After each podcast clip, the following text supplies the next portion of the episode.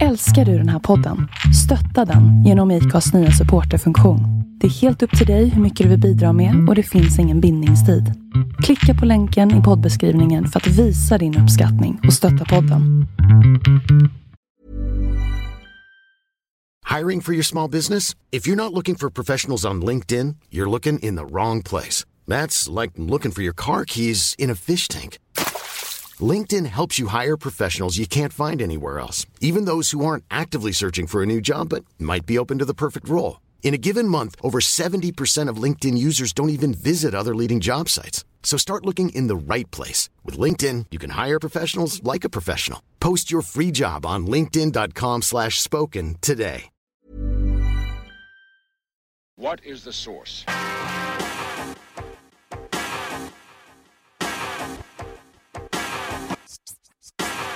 One, two, three, set it!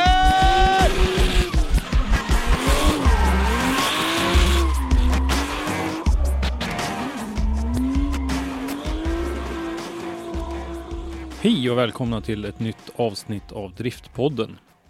Idag ska vi få lyssna på en mycket intressant intervju med Svenska Bilsportförbundets avgångne ordförande Magnus Bertling. Vi kommer att eh, prata lite grann om vad Magnus hann eh, göra under sina fyra månader på positionen som ordförande, lite grann vad som ledde fram till eh, hans avhopp och eh, även lite grann om eh, hur han ser på framtiden, både för sin egen del och för förbundet.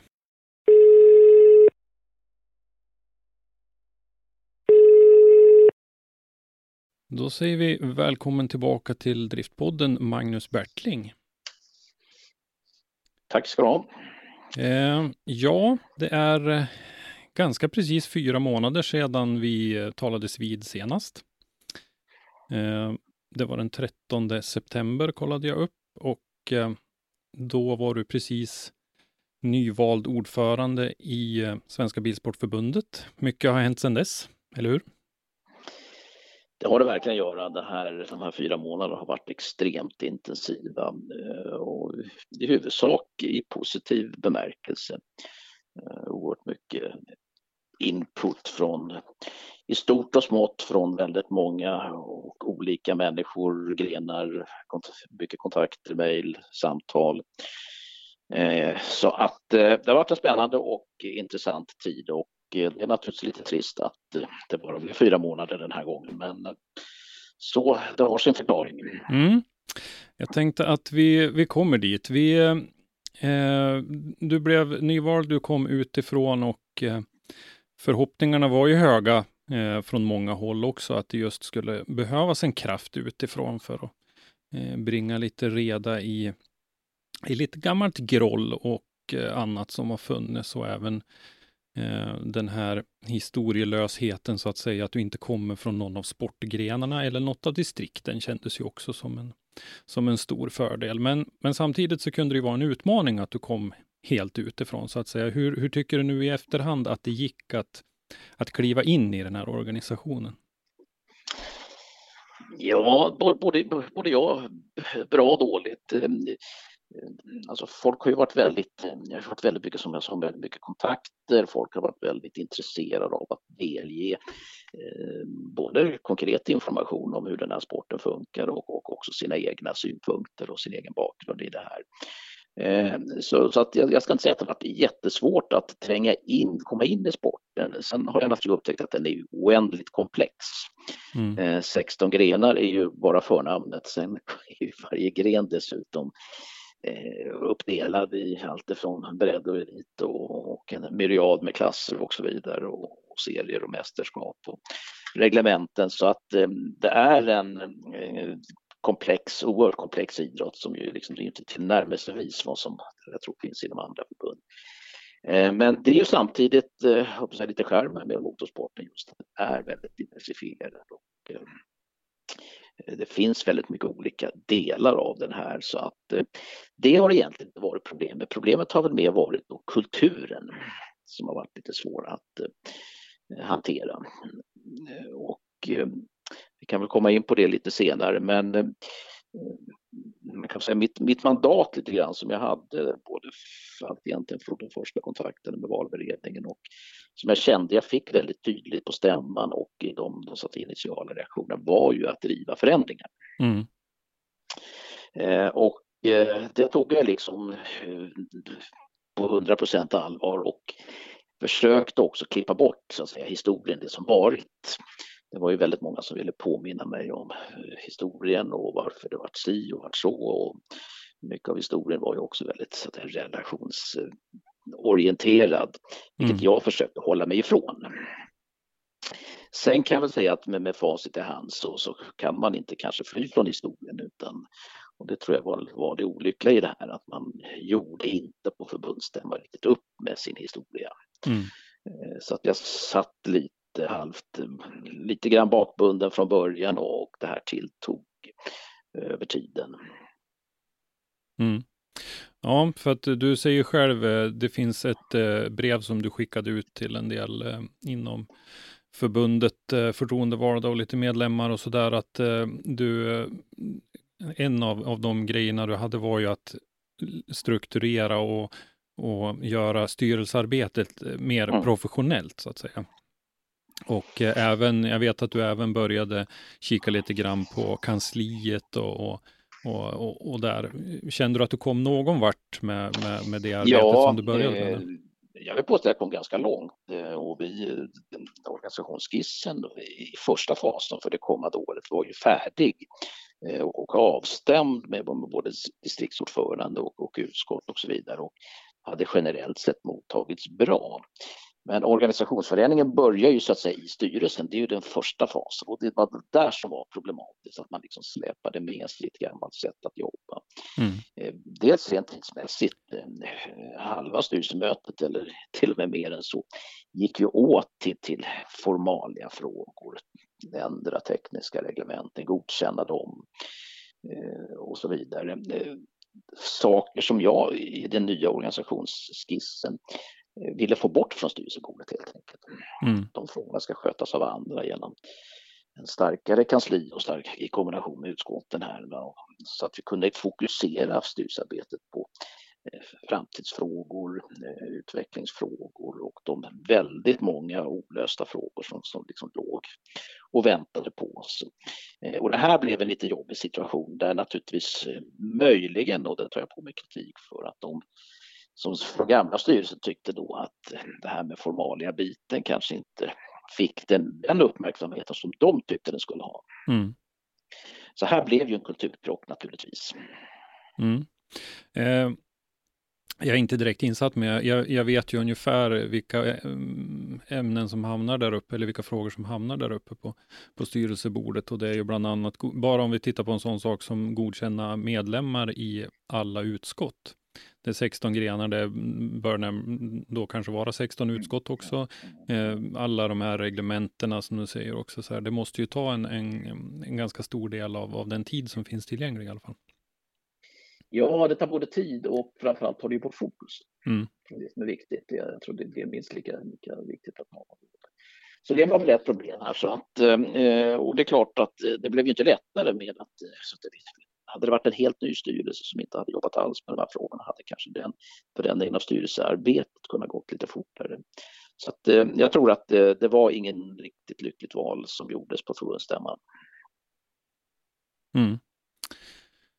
Just det, och eh, som du säger så det, det, blev ju en liten spricka där och ni, ni, det växte väl fram ett, ett, ett eh, fyra mot tre läge kan man säga i, i ganska många frågor. Eh, där eh, där du känner att du, du hamnade lite i, i underläge och kände dig bakbunden av, av det? Så, att säga. så var det absolut. Och då kan man väl säga att är det, är det mindre frågor så är det naturligtvis spelets regler. Det får man ju acceptera och ta.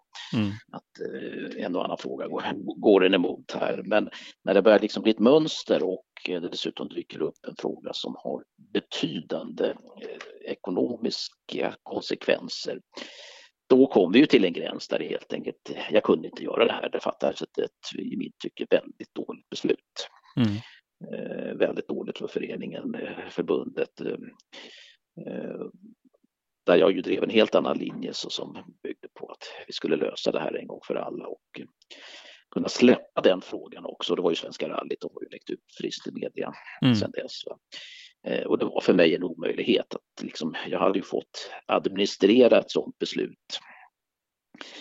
Både praktiskt konkret och även liksom få fronta den frågan ut i media och det var helt enkelt otänkbart att göra.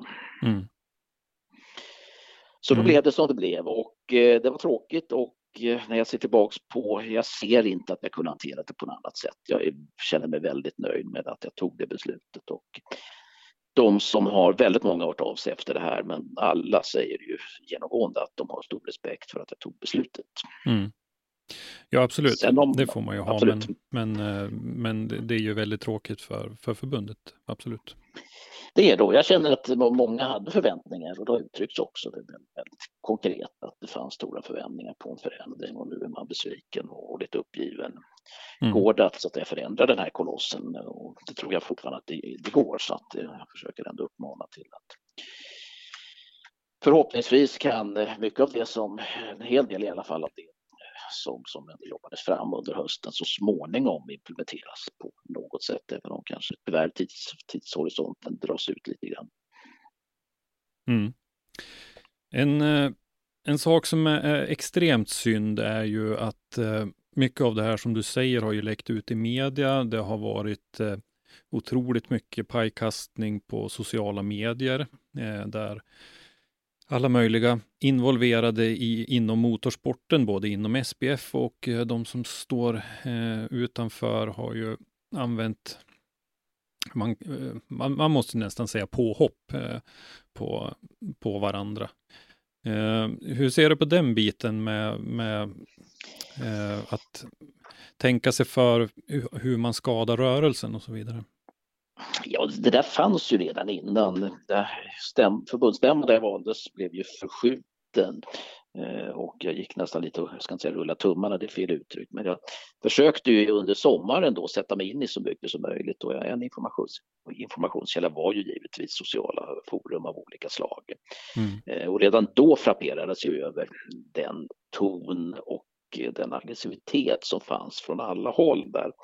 Eh, och det var väl en av mina ambitioner att eh, tona ner den biten. Och, eh, men jag märkte också, att, eller jag insåg också att det, det börjar ju lite grann med att, vilken attityd man visar när, när kritik kommer upp här. Och jag tror att kanske är det så att den, den tidigare styrelsens attityd mot kritik har skruvat upp den här debatten.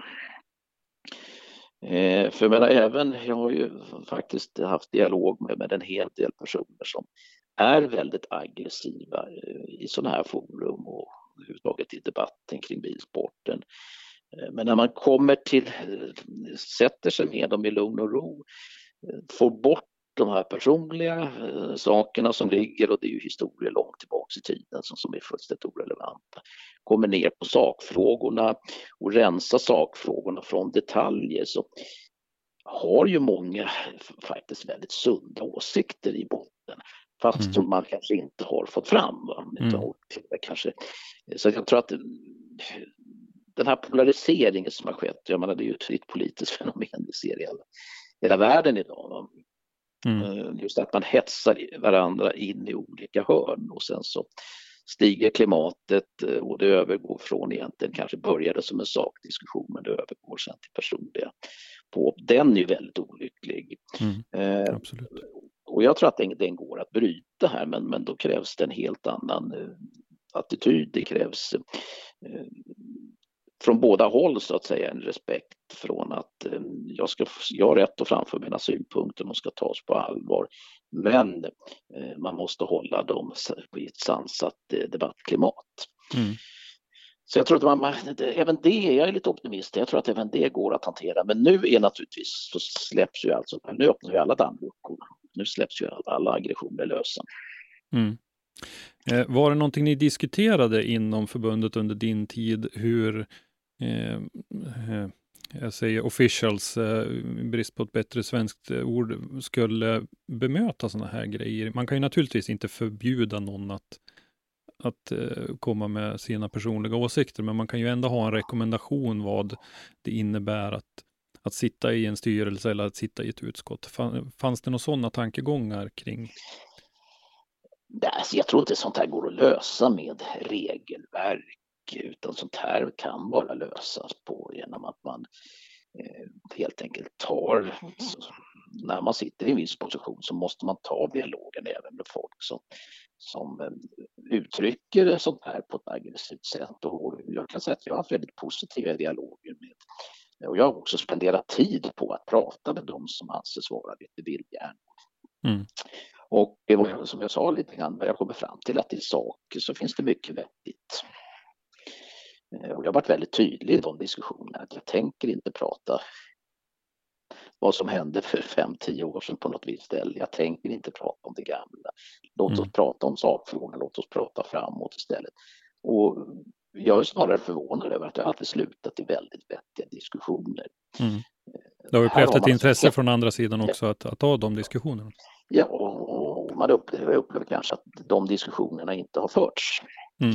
Utan har man skrivit ett brev, om en dåligt formulerat kanske på vissa, så har man fått ett ännu värre brev tillbaks. Mm. Och då är man inne i liksom en negativ spiral här som slutar med att till slut så kastar man bara paj på varandra. Mm. Så jag tror att det handlar om hur, helt enkelt hur man, att, att upp, uppträda och uppföra sig lite mer. Så att det, mm. Sansat, professionellt, sakligt. Mm. Eh, vad tror du krävs för att vi ska nå dit? För jag känner att vi inte är i närheten av det just nu. Nej, det här får, måste väl rimligen betecknas som någon slags lågvatten. Eh, och jag tror att det måste göras av eh, ordentligt och jag tror att eh, ja, det blir spännande att se vad man har nu. En kommande förbundsstämma, det är ju så väl utlöst. Det kommer ju en ordinarie stämma i april och det har ju ställts krav på en extra stämma. Så vi, vi får väl se. Det, det, det är att det kommer fram en bra och eh, styrelse som är fri från historiska belastningar. Det mm. tror jag är det viktiga. Mm. Eh, och sen att vi också genomför den här, den här genom organisationsförändringen. För det är ju en annan aspekt att organisationen då är alldeles för utspridd och splittrad. Dels finns det ingen, dels är den ineffektiv. Pratas och möts och, men ganska lite händer. Eh, dels är det väldigt stora avstånd och lite otydligt vem äger egentligen ett problem. Mm. Den är oerhört viktig att driva igenom. Mm. Ja, eh, vi har eh, förbundsstyrelsen, vi har en, eh, en nu tänkte jag säga generaldirektör, men det heter generalsekreterare. Generalsekreterare, precis tack. Eh, som, som står för de administrativa bitarna. Sen så har varje sportgren en, eh, ett utskott som ska sköta sina grejer. Men sen har vi distrikten också. Som eh, är ganska, som en ganska stark kraft i det här och den här distriktsordförandegruppen bland annat har ju, har ju figurerat lite grann i, i, det här snacket nu. Eh, känner du att det finns för många olika krafter som verkar så att säga där i, i, i det, om du förstår hur jag menar? I, mm. eh, eller, eller är det så det måste vara?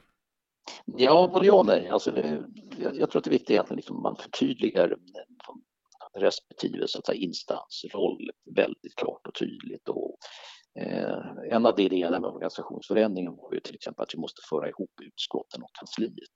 Det ser jag som en enhet som ska jobba ihop.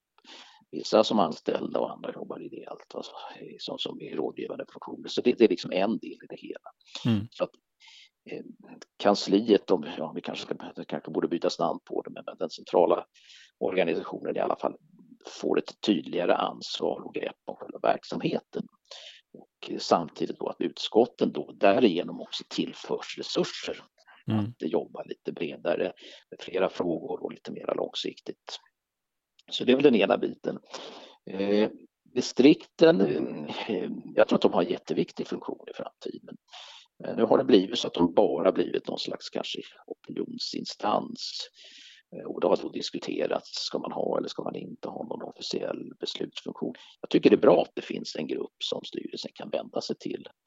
Antingen i frågor där man kanske är oense eller där man helt enkelt bara vill känna av vad står rörelsen, vad står medlemmarna och så att distrikten har en viktig roll i den.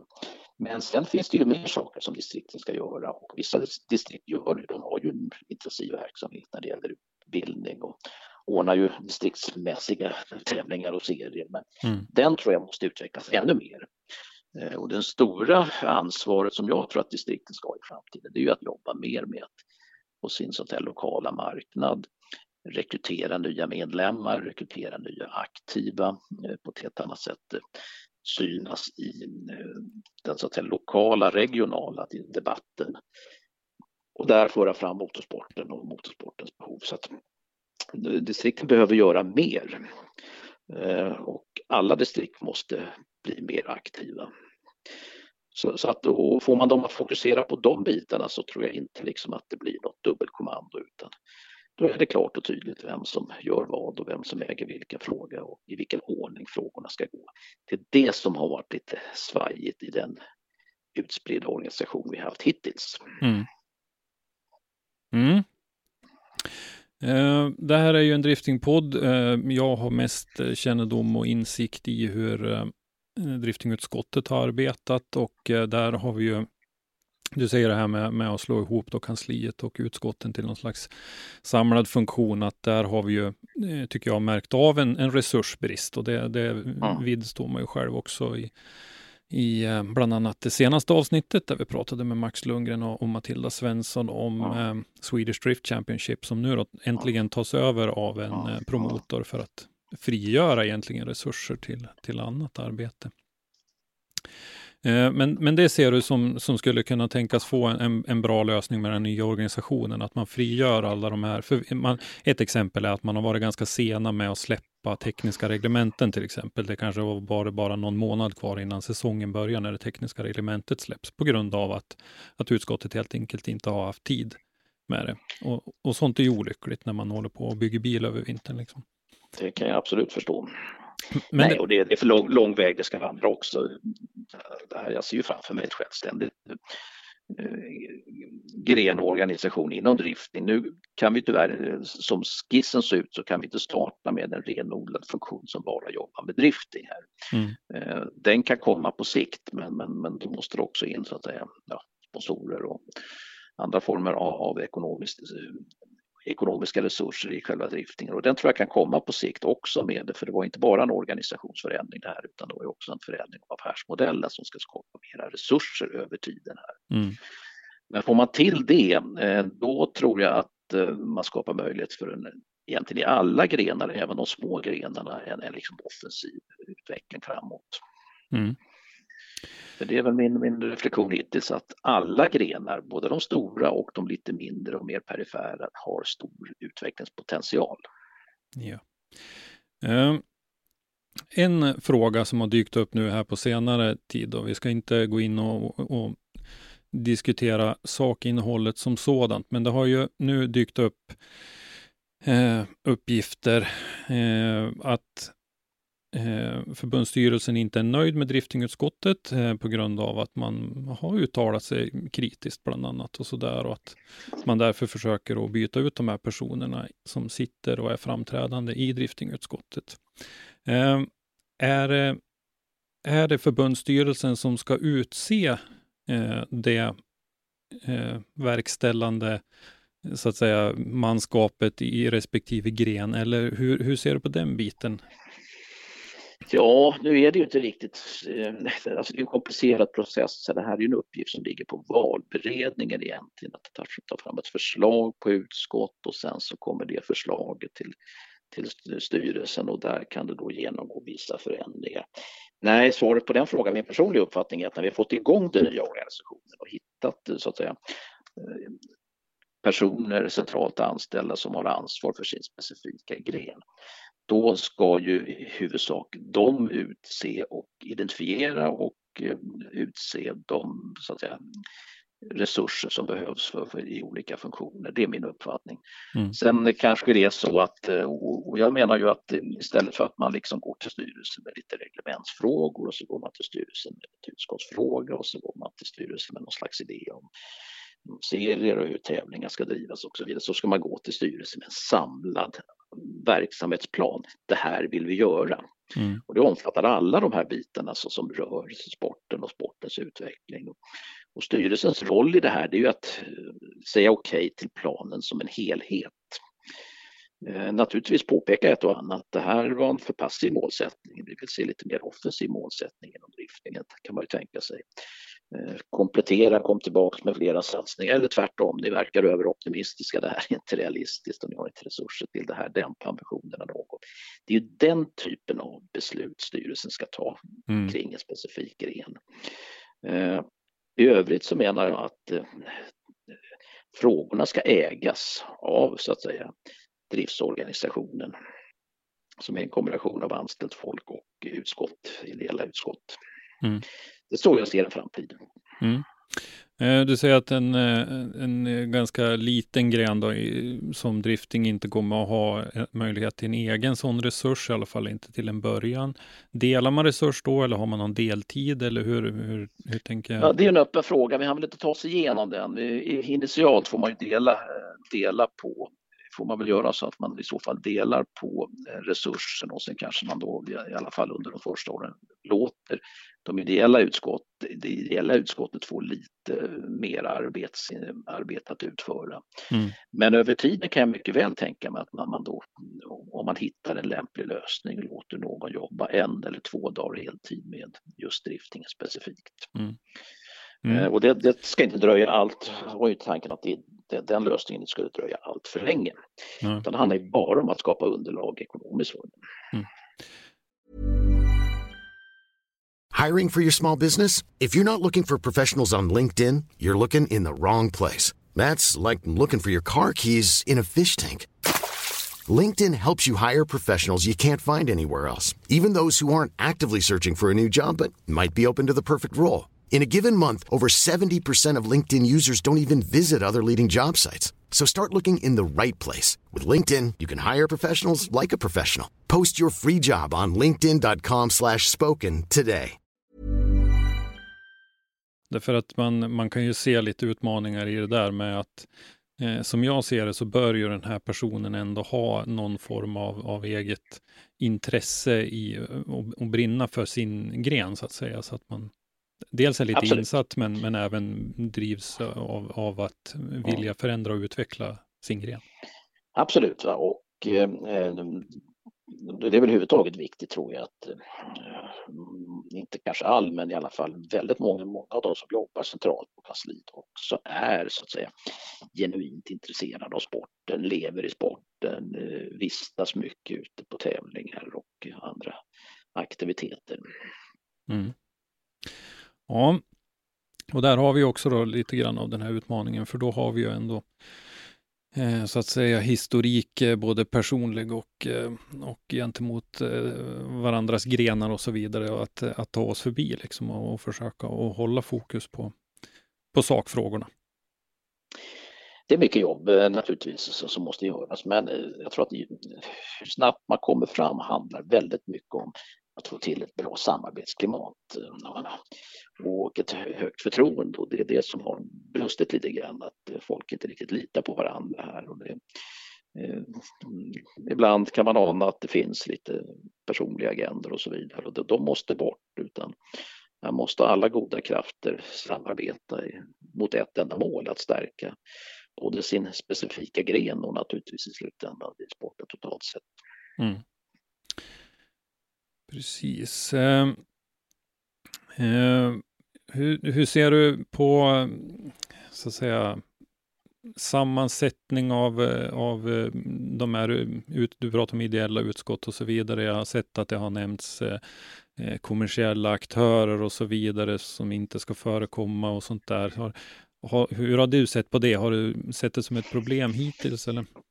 Ja, jag, jag är ju ganska pragmatiskt lagd och eh, jag tror för det första att man måste hitta, man måste acceptera att det, ska en sport utvecklas så, så krävs det eh, entreprenörer, eh, privata entreprenörer som, som är med här och så får man hitta en tydlig rollfördelning mellan dem. Att eh, en, en entreprenör som har ekonom kommersiella intressen i en gren får naturligtvis inte sitta i en beslutsposition och kunna styra beslut för då får man ingen trovärdighet.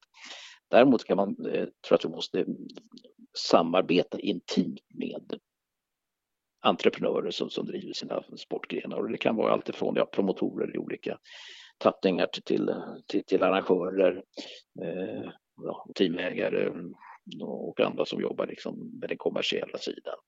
Vi måste jobba nära varandra. Mm. Och sen så måste, får man hoppas att alla är medvetna om att den dagen man hamnar in i en jävsituation till exempel, då, då ska den vara öppen och tydlig och då, då kliver man av beslut, själva beslutet just i den specifika frågan. Mm. Det här är ju inte ovanligt i kommersiella sammanhang att eh, det, det uppstår intressekonflikter men, men lösningen är ju alltid att vara öppen och tydlig med mm. Jag ehm. sitter ju i styrelsen till exempel där vissa beslut berör ju någon som sitter i styrelsen och då får vederbörande gå ut. Mm. Eh, och sen protokollförs det väldigt tydligt att vederbörande var inte med på det här beslutet mm, och så vidare. Så att det är inga olösliga problem Nej. med lite vilja och lite pragmatism. Mm. Ja, men där känner jag väl också att det kan eh, saknas lite av den här öppenheten som du säger, att man, be mm. man behöver vara öppen och tydlig med. Men äh, åter till det här med, med promotorer då, för det är ju också en sak som har kritiserats lite grann, att promotorerna har ju inget naturligt äh, sätt att, att knyta an till Bilsportförbundet egentligen. Äh, utan det är ju mera, ska man säga, det är ju skap, SPF är ju ändå skapat enligt den här folkrörelsemallen med, mm. med föreningar, med distrikt och, och, och en central organisation. Eh, finns det några tankar kring det? Eller har det funnits? Eller? Ja, jag kan ju bara framföra mina egna åsikter här och det mm. lite grann knyta an det jag sa att det är nödvändighet för att utveckla en sport att eh, man samarbetar med kommersiella intressen och hittar ett vettigt samspel. Eh, man kan ju titta på Formel 1 till exempel om vi lämnar vår, vår lilla värld här och mm. Eh, det var ju länge, hela 80-talet var ju en kamp mellan liksom internationella förbundet och kommersiella intressen som ville driva sporten vidare och eh, till slut efter mycket bråk och krig och det var ju även bojkotter och allt möjligt så hittade man ju ett samspel och även på den ekonomiska sidan och vad man än säger så gynnar det ju det sportens utveckling. Mm, absolut. Den kommersiella aktören var ju faktiskt bättre på att stärka och utveckla sporten eh, och eh, förbundet och internationella förbundet fick ju sin tydliga roll i att hålla på med det sportsliga och det säkerhetsmässiga och, och så skedde ett samarbete kring liksom tävlingstillstånd och hur hur kalendern skulle se ut. Eh, naturligtvis inte problemfritt och det finns säkert en annan åsikt om, om det gick helt hundraprocentigt schysst till. Men mm det viktiga är ju att utveckla sporten och eh, sporten behöver ju få in pengar och då måste man ju tänka lite i termer av hur får vi in mest pengar på bästa sätt. Eh, och då måste det ju, kan ju inte sådana frågor drivas så att helt ideellt utan då måste liksom kommersiella aktörer in. Mm. Så det här är mm. oundvikligt i framtiden när det gäller elitsidan. Ja. Sen ska ju också, tycker jag, organisationen, alltså Svenska Bilsportförbundet, har ju egentligen sitt huvudfokus på breddsporten. Mm. Så att jobba med promotorer, det är ju också ett sätt att frigöra lite tid och energi för just att utveckla breddsporten. Mm. Ja, men det är ju som sagt diskussionen som har varit i, i driftingutskottet nu också, att man vill frigöra de ideella resurserna där för mm. att uh, kunna jobba mer med, med uh, gräsrotsdriftingen så att säga. Men när vi pratar promotorer, kommersiella intressen och sånt där då, vi återkommer till, till den här knäckfrågan med Svenska rallyt lite grann. Eh, är det någonting som Bilsportförbundet ska vara involverat i på det sättet som man är nu med de här starka ekonomiska intressena? Nej, jag var ju väldigt tydlig. För det första kan man väl säga då att eh, kombinationen det Svenska Bilsportförbundet och en värmländsk eh, intresseorganisation som ägare eller en stiftelse som äger, det var ju absolut inte bra för rallyts ekonomiska utveckling. Mm det var lite som två lite, två lite halvt lytta personer ska liksom försöka springa tillsammans.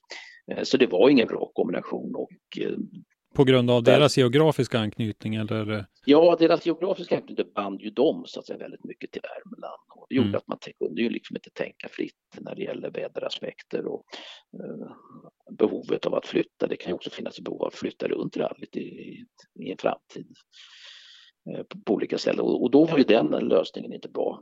Uh, Svenska Bilsportförbundet var ju absolut ingen bra partner för att Eh, driver man ett sånt här projekt så kommer man att råka ut för att det går med förlust vissa år. Man måste driva det på ett sätt som man ackumulerar upp vinster och reserver för att täcka det. Eh, så att jag vill påstå att det var två dåliga ägare. Så att det här var tvungen att få en lösning.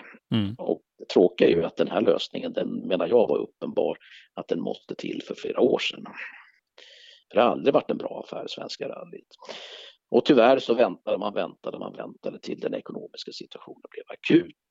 Eh, och eh, min hållning var ju att eh, rallyt måste ju säljas av till en aktör som dels tar riskerna själv och dels är bättre skickad att göra det här till en bra affär.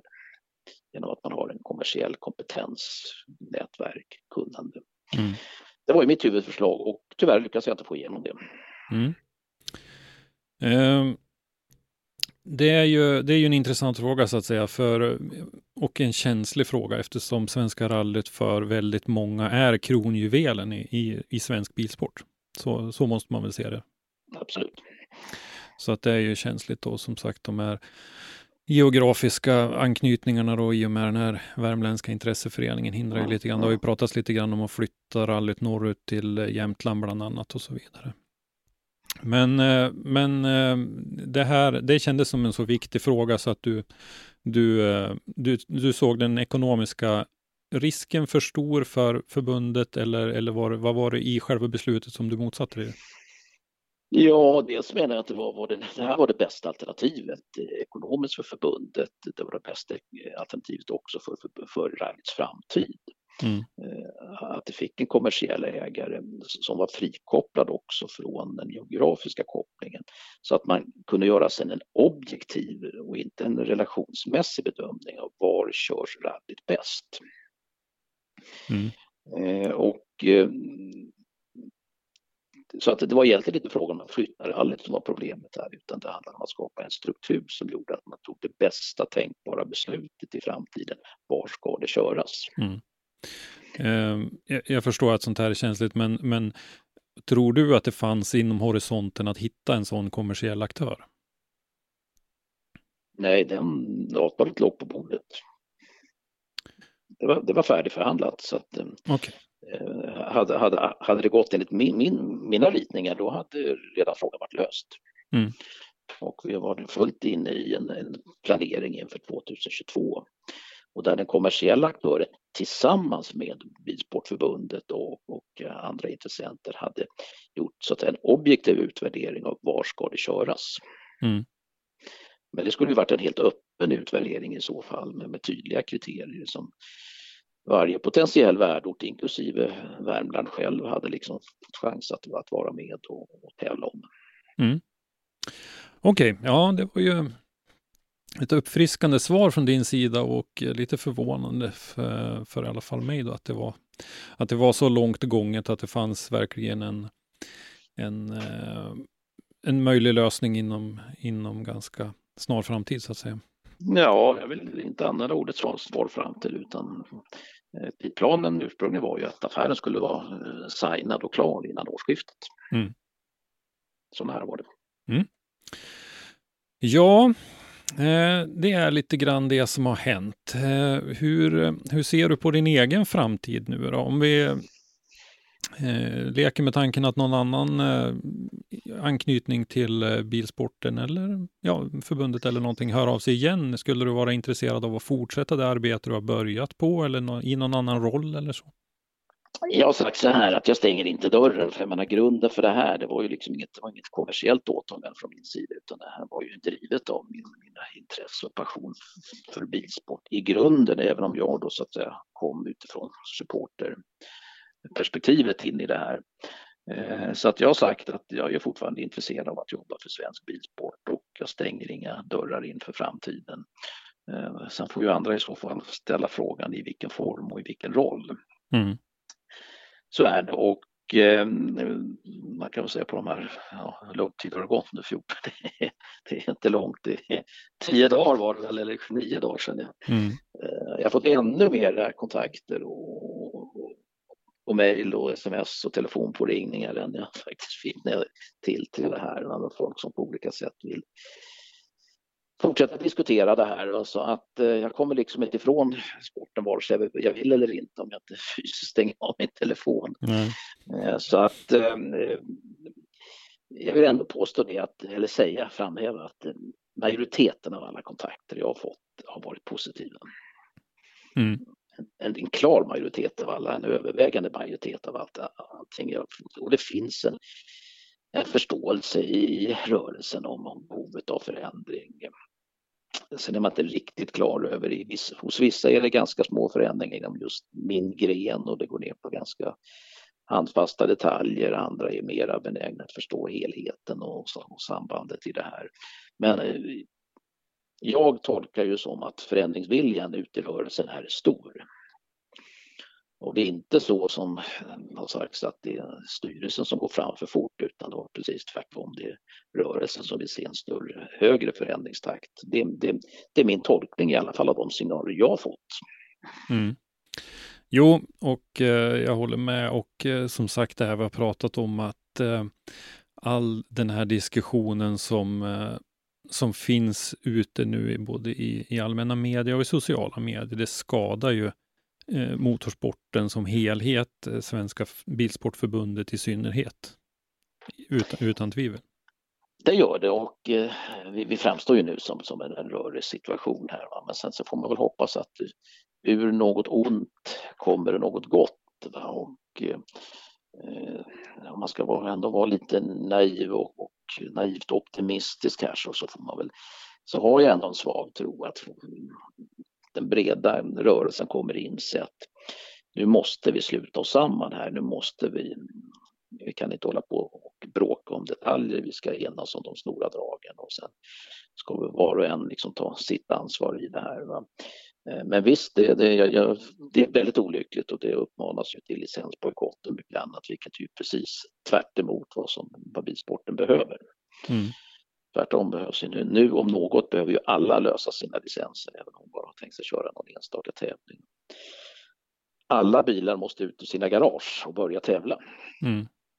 Det är ju det som måste vara det absolut eh, största målet. Så att jag hoppas att den här interna diskussionen och turbulensen tar slut väldigt snabbt, men också att bordet rensas bort från det som ändå ligger bakom det här.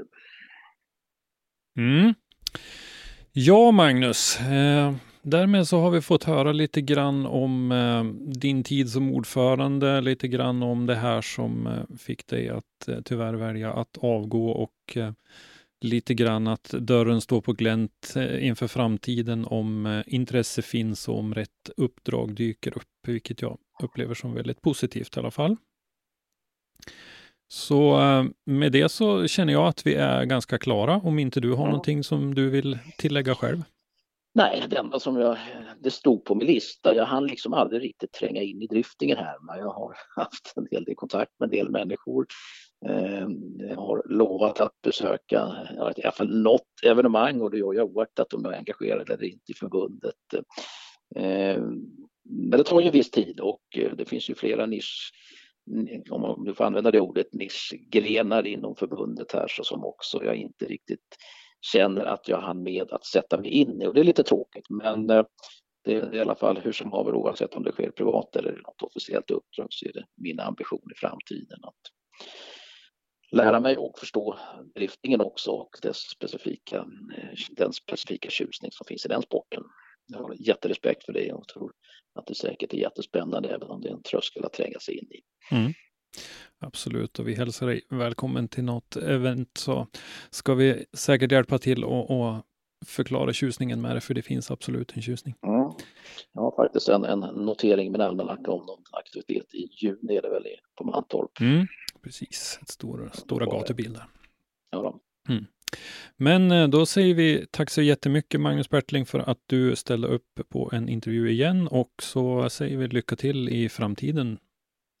Ja, jag tackar för det och jag säger samma sak. Lycka till då både med Driftingpodden, podd, eller Driftzone eh, podden och eh, sportgrenen i sig. Det ska bli spännande att följa. Tack för att du har lyssnat. Lyssna gärna på våra tidigare avsnitt och glöm inte att ge oss betyg i din podcastapp.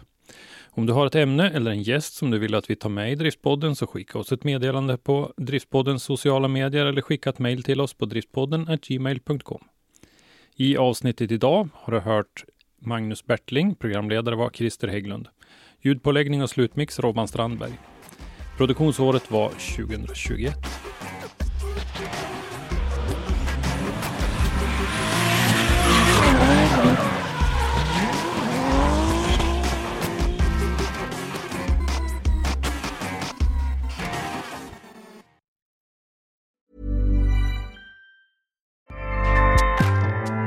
ACAST powers the world's best podcasts. Here's a show that we recommend.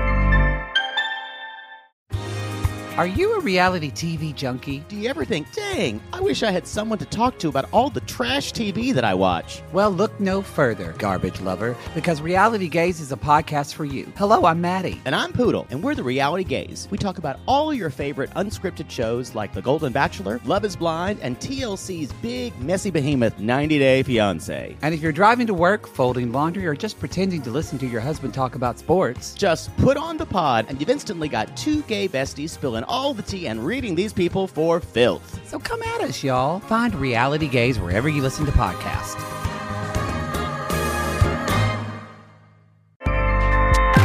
ACAST helps creators launch, grow, and monetize their podcasts everywhere. ACAST.com.